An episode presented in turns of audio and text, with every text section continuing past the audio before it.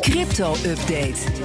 We gaan naar Herbert Blankenstein, presentator van BNR's CryptoCast, onze podcast over Bitcoin en andere digitale coins. Herbert, goedemorgen. Hoi Bas. Alle Amerikaanse congresleden krijgen 50 dollar aan bitcoin als donatie voor hun campagnes. Een beetje een publiciteitsstuntje neem ik aan hè, van iemand. Meevaller. ja. ja, ze krijgen dat van een initiatief uh, dat heet Crypto for Congress. En dat probeert congresleden zover te krijgen dat ze in elk geval kennis maken met crypto. Zodat ze er een gefundeerde mening over kunnen vormen. In plaats van dat ze het afwijzen zonder dat ze er iets van snappen. Hm. Dat geld stelt natuurlijk weinig voor. Uh, Crypto for Congress wil vooral informatie en ondersteuning geven zodat congresleden ermee leren omgaan. Dus het is niet direct bedoeld om ermee in de media te komen, maar wel om congresleden een beetje op te voeden. Kijk eens aan. En waar komt dat geld uh, wat uh, Crypto from Congress bij elkaar brengt vandaan?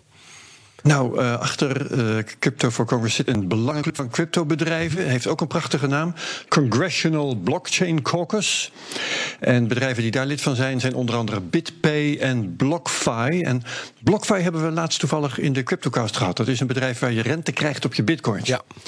Um, dus het is inderdaad een heel bescheiden bedrag. In totaal gaat het om 27.000 dollar. Wat is dat nou? Ja, dus ongeveer 2,5 bitcoin.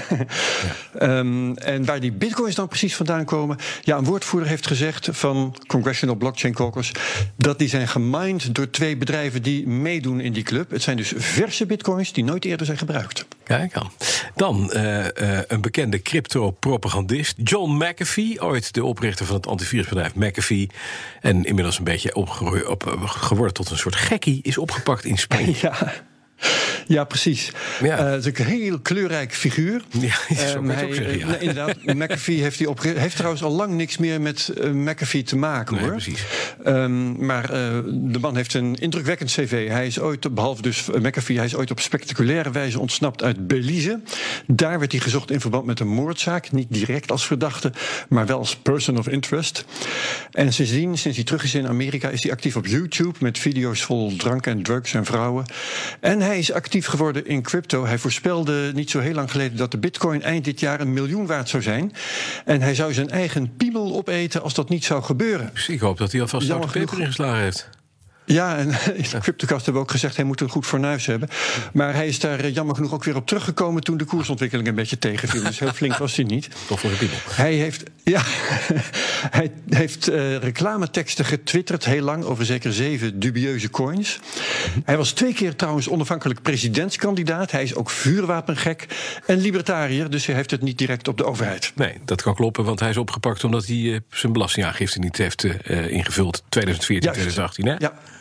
Dat is de reden. Ja. En dat past daar prima bij. Um, ik weet niet precies trouwens hoe die in Spanje is terechtgekomen. Want het laatste wat ik over hem hoorde was ook weer zo leuk. Hij voerde campagne als presidentskandidaat vanaf een schip in internationale wateren. Een beetje zoals de vroegere radiopiraat, weet je wel. En dat was juist omdat de Amerikaanse Belastingdienst achter hem aan zat. Mm -hmm. uh, maar het gaat niet eens alleen om belastingzaken. Want uh, hij zou inderdaad 23 miljoen aan inkomsten niet hebben opgegeven. Maar de SEC, de Amerikaanse financiële autoriteit, zoekt hem ook.